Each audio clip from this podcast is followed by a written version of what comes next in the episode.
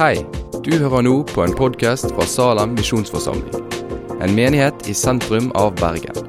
Vil du vite mer om oss eller komme i kontakt med oss, gå inn på salem.no. I dag eh, er det en litt annerledes tale enn vanlig. Eh, grunnen til det er eh, at for noen uker siden så visste jeg ikke hva søndagens tekst var, men så tenkte jeg vet du hva, det gjør ingenting, for har, Gud har vist meg noe som, eh, som jeg vil snakke om. Eh, og Grunnen til at jeg kan ha denne talen eh, denne, denne, talen ville jeg ikke ha hatt hvis jeg var på besøk og skulle forkynne en plass. Denne talen kan jeg ha fordi at jeg forkynner her i Salem fast. Og jeg vet at dere kjenner eh, hva jeg står for, og dere kjenner at jeg ikke greier å la være å snakke om Jesus. Eh, denne gangen blir det et litt, litt annerledes. Litt fordi jeg har valgt å gå vekk fra søndagens tekst og bruke litt andre tekster. Men, men bare la dette få være noe til, til Salem som fellesskap. Til Salem som menighet. Det handler om frimodighet i bønn, og det handler om hvordan kan vi som forsamling sammen være frimodige for hvordan vi ber for dette fellesskapet, hva som skjer i dette fellesskapet. Eh, vi begynner med å lese fra Jesaja 59, 1-2. Se, Herrens hånd er ikke for kort til å frelse, og hans øre ikke for tungt til å høre. Nei, det er skylden som skiller dere fra deres Gud. Syndene deres skylder ansiktet hans, så, dere, så han ikke hører dere.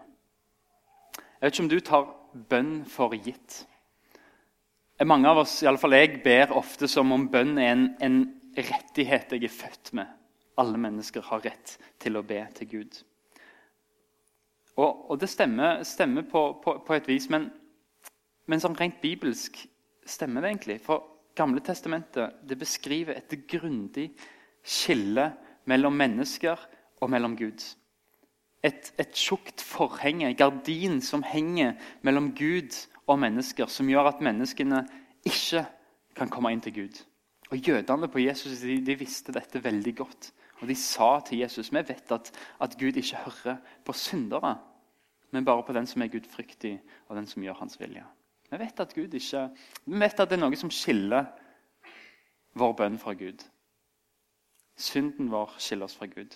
Det er kun gjennom Jesus vi kan få adgang til ham. Jesus har ingen kan komme til far uten gjennom meg. Og det, og det, handler, det, handler, om frelse. Ingen kan bli frelst uten Jesus. Men det handler også om bønn. Kan, det handler om kommunikasjon og være i lag med Gud. Ingen kan be uten at Jesus først åpner døra inn til himmelen. Ingen kan be til en hellig Gud uten at Jesus først har gjort oss hellige. Gud hører på grunn av Jesus. Vi kan komme inn frimodig pga. Jesus.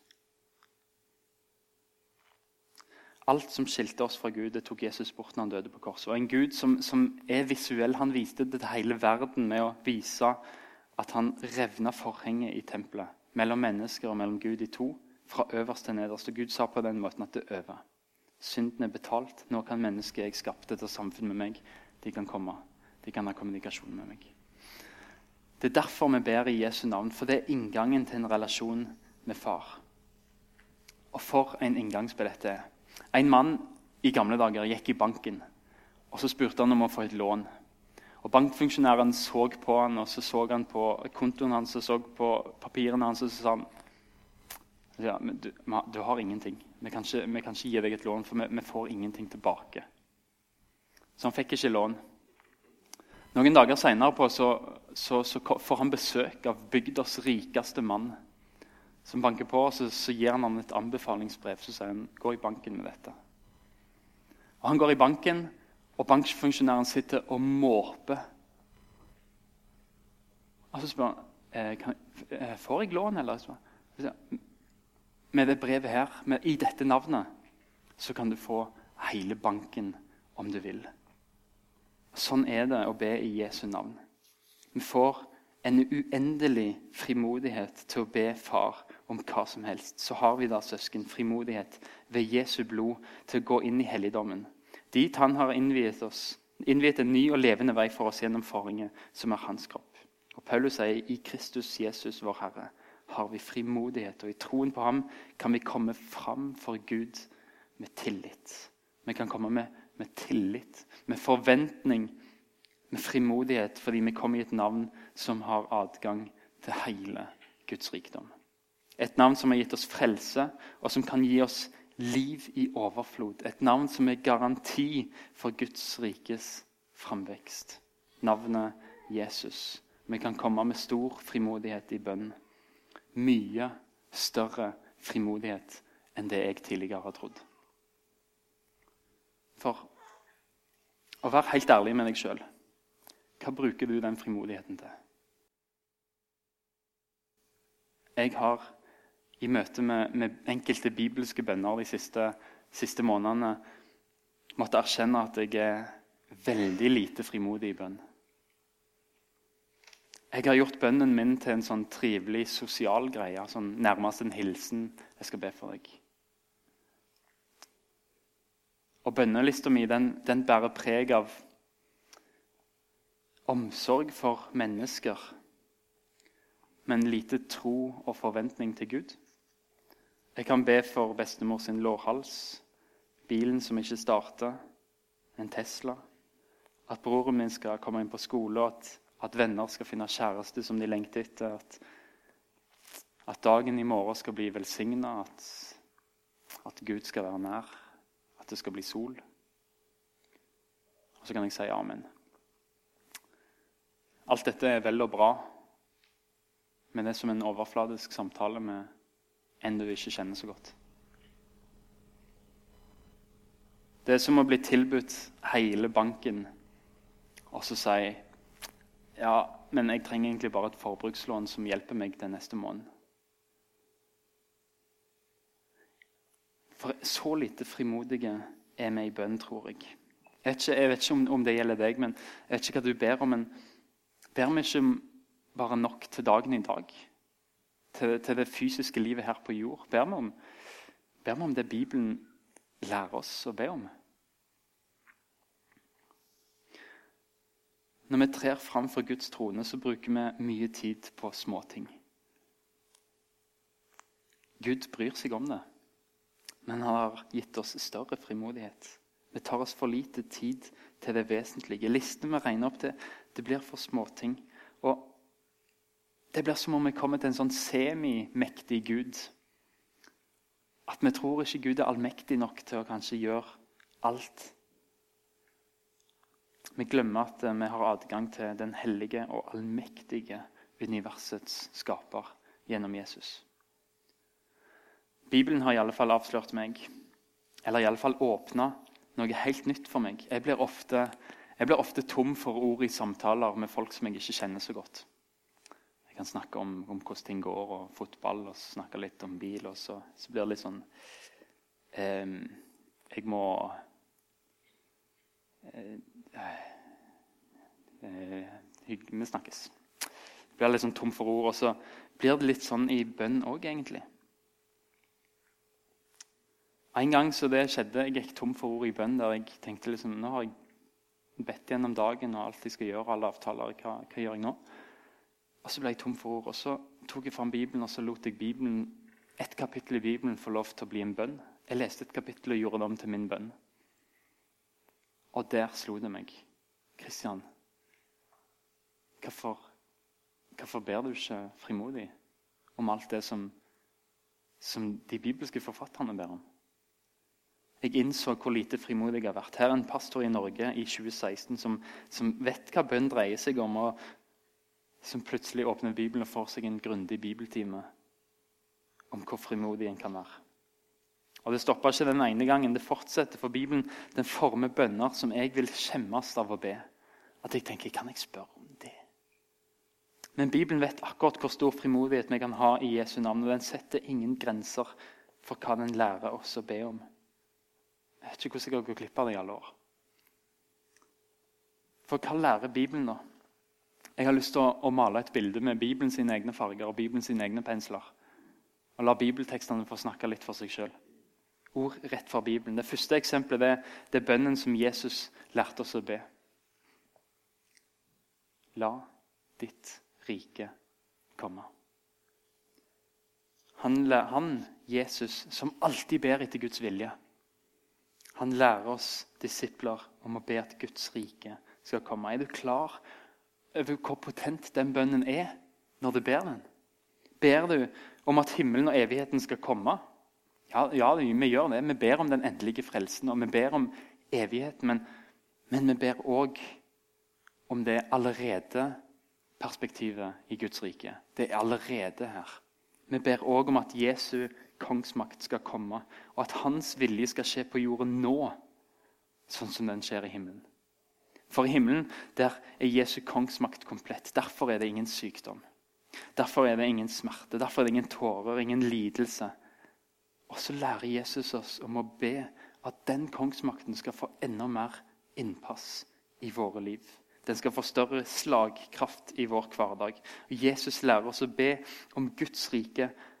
Og For å definere det som Nytestamentet definerer Guds rike, en allerede tilstedeværende kraft som frelser, helbreder, driver ut onde ånder, gir rettferdighet, gir fred og glede i Den hellige ånd. Det består ikke av ord, det består av kraft. Med andre ord så ber vi om at himmelriket sine krefter kan bli gjeldende nå. Det er en utrolig stor bønn. Og Denne bønnen som er så frimodig at vi knapt skulle tro at det var lov, den er det Jesus som lærer oss å be. Pappa, kom med ditt rike. Kom med kraften som frelser. Kom med kraften som helbreder. Driv ut onde ånder. Gi rettferdighet og glede og fred. Og så lærer Jesus oss det, og vi kan be han med frimodighet. Vi kan be om det. Jesus ber òg den bønnen, og han ber med forventning. Og Av og til så lurer jeg om Jakob setter ord på noe som er veldig aktuelt i vår tradisjon.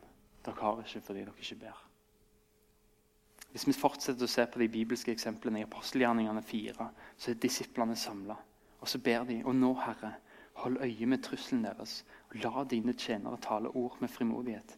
Rekk ut din hånd, så det skjer helbredelser og tegn og under ved navnet til Jesus, din hellige tjener.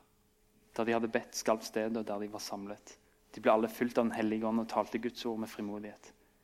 Hvor ofte er den bønnen blitt bedt av medlemmer i Salem de siste ti åra? Noen ganger, tror jeg. Men ikke så ofte som vi skal ha frimodighet til.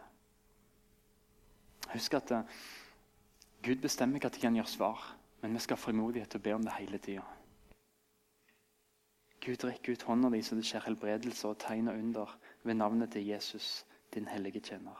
Apostlene de hadde helbreda én person før de ba denne bønnen. Resten er kirkehistorie. Hopetallet av mennesker ble helbredet, og Guds rike gikk fram. Og Det skjedde så mange helbredelser og det skjedde så mange under og tegn at kirkehistorikere, når de ser på hvordan spredde kristendommen seg så fort over hele verden, så peker vi på under og tegn. Vi vet at selvfølgelig er forkynnelsen og Guds ord en stor del av det. Men en sekulær vil si dette er alt. Derfor trodde folk. Ved apostelens hender ble mange tegn og under gjort i folket. Alle holdt trofast sammen i Salmos høytall. Ingen andre våget å slå seg sammen med dem, men folket satte dem høyt. Stadig flere trodde på Herren og ble lagt til dem, både menn og kvinner i stort antall. De bar også syke ut på gaten og la dem på senger og bårer for at i det minste skyggen av Peter kunne falle på noen av dem når han gikk forbi. Det kom også mye folk fra byene rundt Jerusalem. De bar med seg syke og folk som var plaget av urene ånder, og alle ble helbredet. De har fordi de ba. Kan det være at vi ikke har fordi vi ikke ber? Så kommer vi til Paulus sine bønner i brevet, og de har sprengt min bønnekategori i fillebiter. Han, ber om i Efeserbrev 1 Jeg ber om at vår Herre Jesu Kristi Gud, Herlighetens Far, må la dere få en ånd som gir visdom og åpenbaring, så dere lærer Gud å kjenne. Må Han gi dere, gi dere lys til hjertets øyne, sånn at dere får innsikt i det håp Han har kalt dere til, og hvor rik og hellig Hans arv er for de hellige, og hvor overveldende kraft hans kraft er hos oss som tror. Med denne veldige makt og styrke reiste han Jesus opp fra de døde og satte han med sin høyre hånd i himmelen. Hvor ofte har vi i Salem bedt om at far kan gi oss en ånd som gir visdom og åpenbaring. Det tror jeg vi har bedt litt oftere. Sånn at vi lærer Gud å kjenne at han, han kan gi oss lys til hjertets øyne.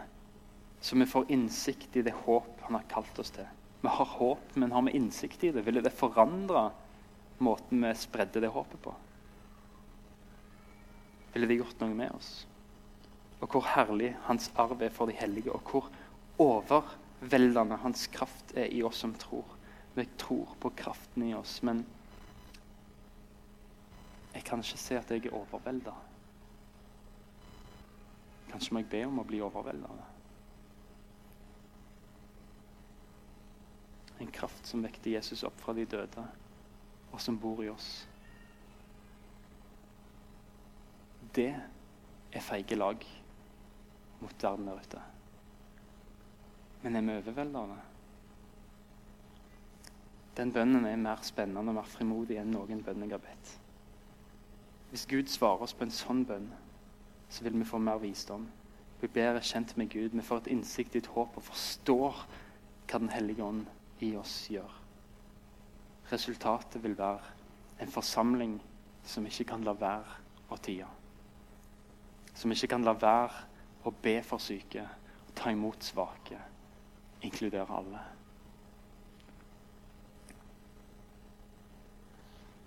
Dere har ikke fordi dere ikke ber sier Jakob.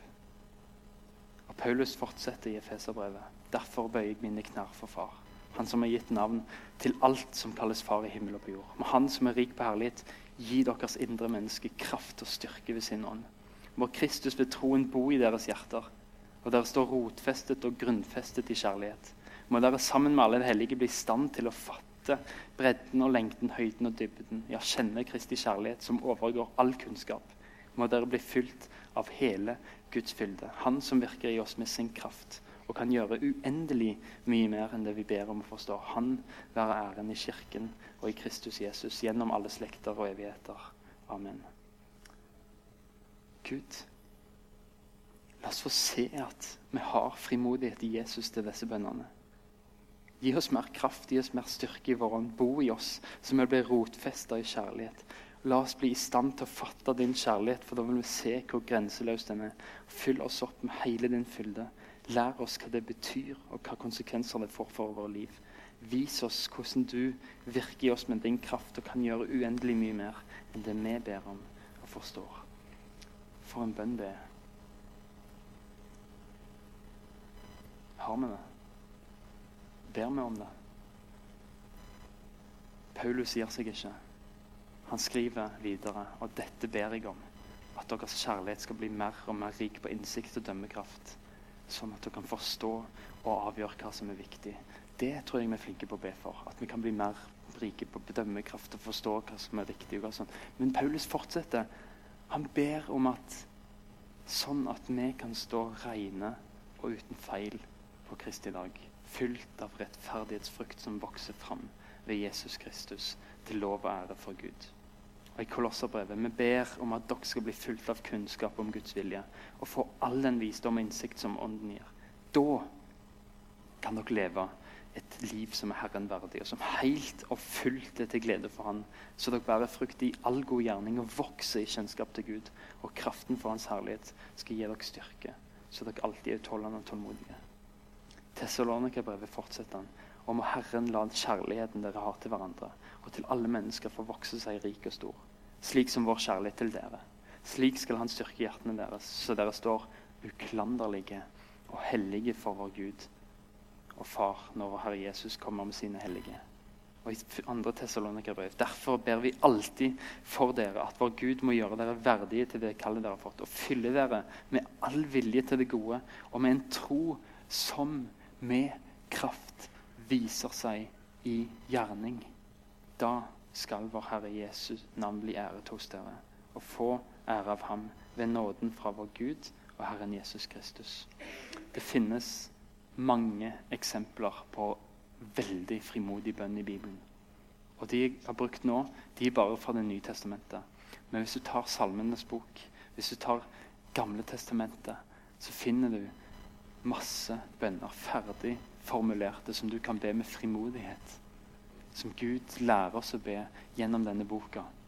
Vi skal slippe å forme overfladiske bønner. Vi kan få gå rett i dybden og bare si Gud, du kjenner meg. Du vet hva jeg trenger å be om.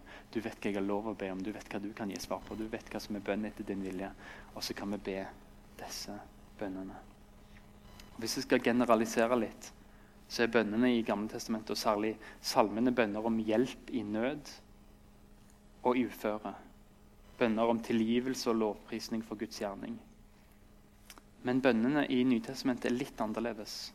Og grunnen er at Guds rike er gjort tilgjengelig for oss gjennom Den hellige ånd.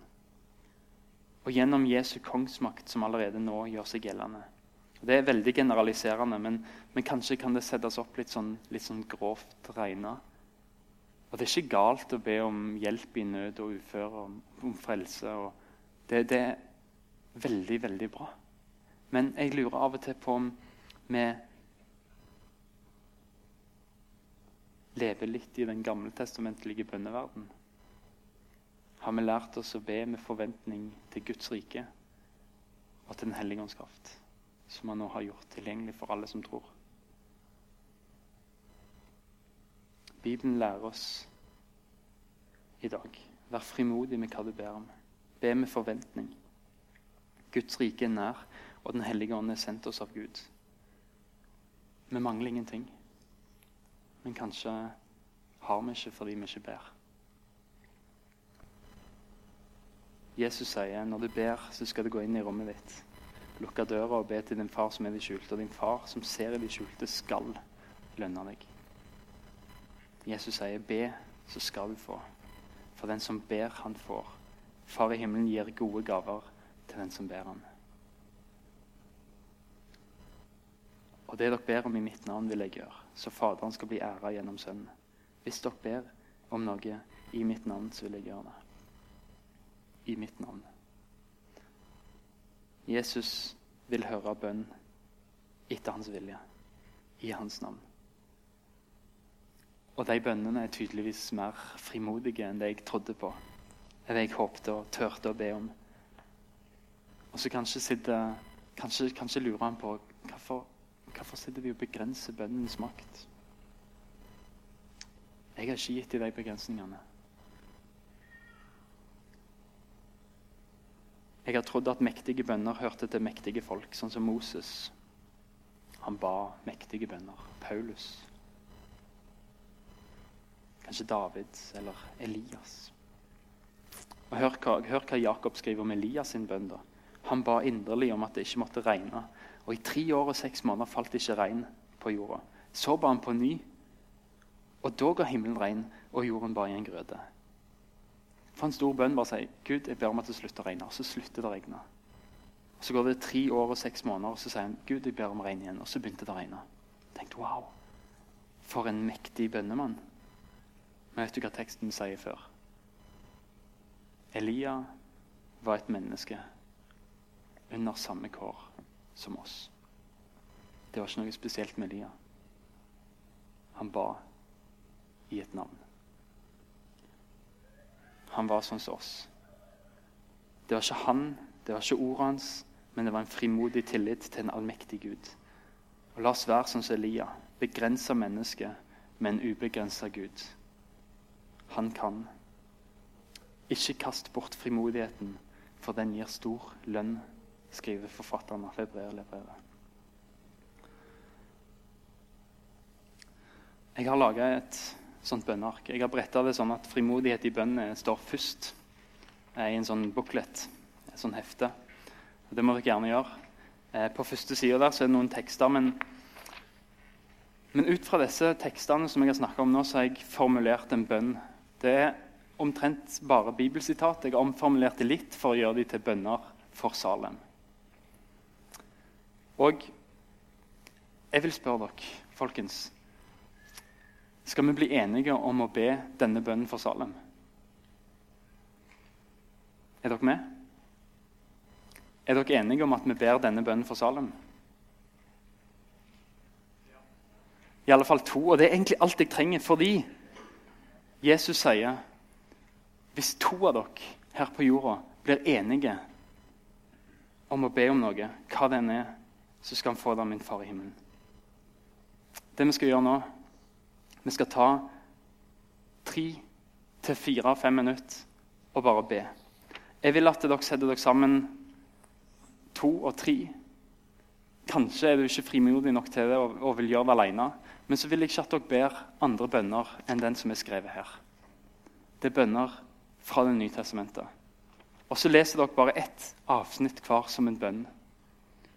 Og så gjør Vi det. Vi bruker tid nå på å be litt sammen. og Det er en bønn for Salem. Det er en bønn for dette fellesskapet. Og så Om litt så kommer jeg opp og avslutter. Men vi tar tre til fem minutter der vi ber om dette. Bare sett oss sammen. Vær frimodig.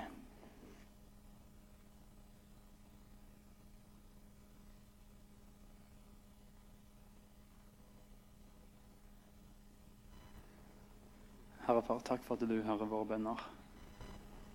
Takk for at du gir oss svar som er etter din vilje. Jesus, hjelp oss til å se den bønneretten som vi har fått gjennom din nåde. At du åpner oss veien til Gud. Lær oss å være frimodige. Lær oss å be om det som er etter din vilje. Amen. Det er ikke ofte at uh, medlemmer i Salem får med seg lekser. Dessverre. Men uh, i dag så har jeg lyst å gi dere en oppmuntring, en formaning. Her står det først noen tekster om bønn, og så på baksiden noen tekster til ettertanke som det går an å lese men, om bønn. Men den bønnen som vi ba nå Jeg har lyst til å, å be dere om å ta hjem dette arket til. Dere trenger ikke be hele bønnen hver eneste gang, men velg dere ut et avsnitt og kanskje be rundt middagsbordet. Og, og lær barna å be bønner som er fra Bibelen.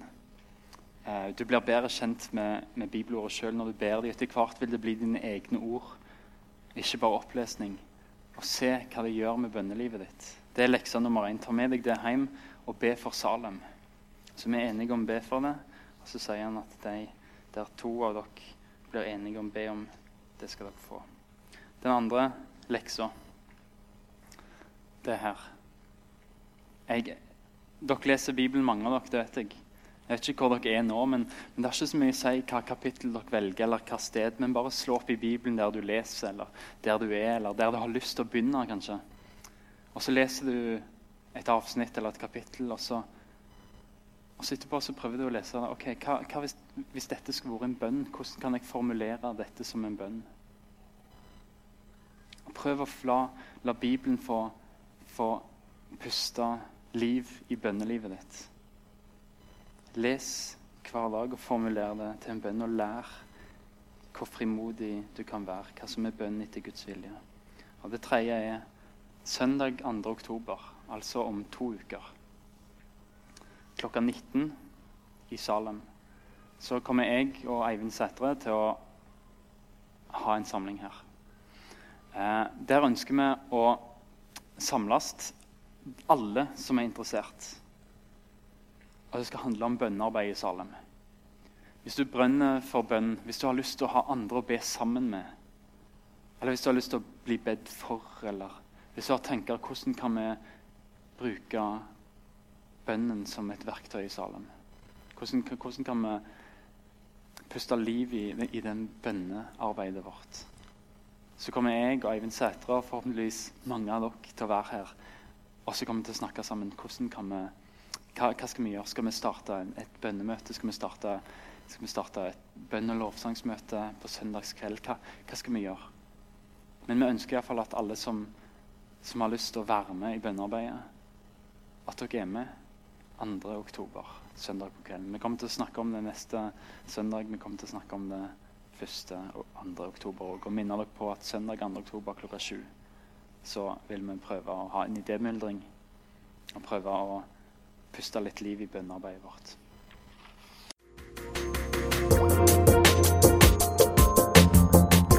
Takk for at du har hørt på podkasten fra Salem, Bergen. I Salem vil vi vokse i et stadig dypere fellesskap med Gud og med hverandre. Vi vil være Jesu hender og føtter, og vi vil være med å forkynne frelse for Bergen og resten av verden.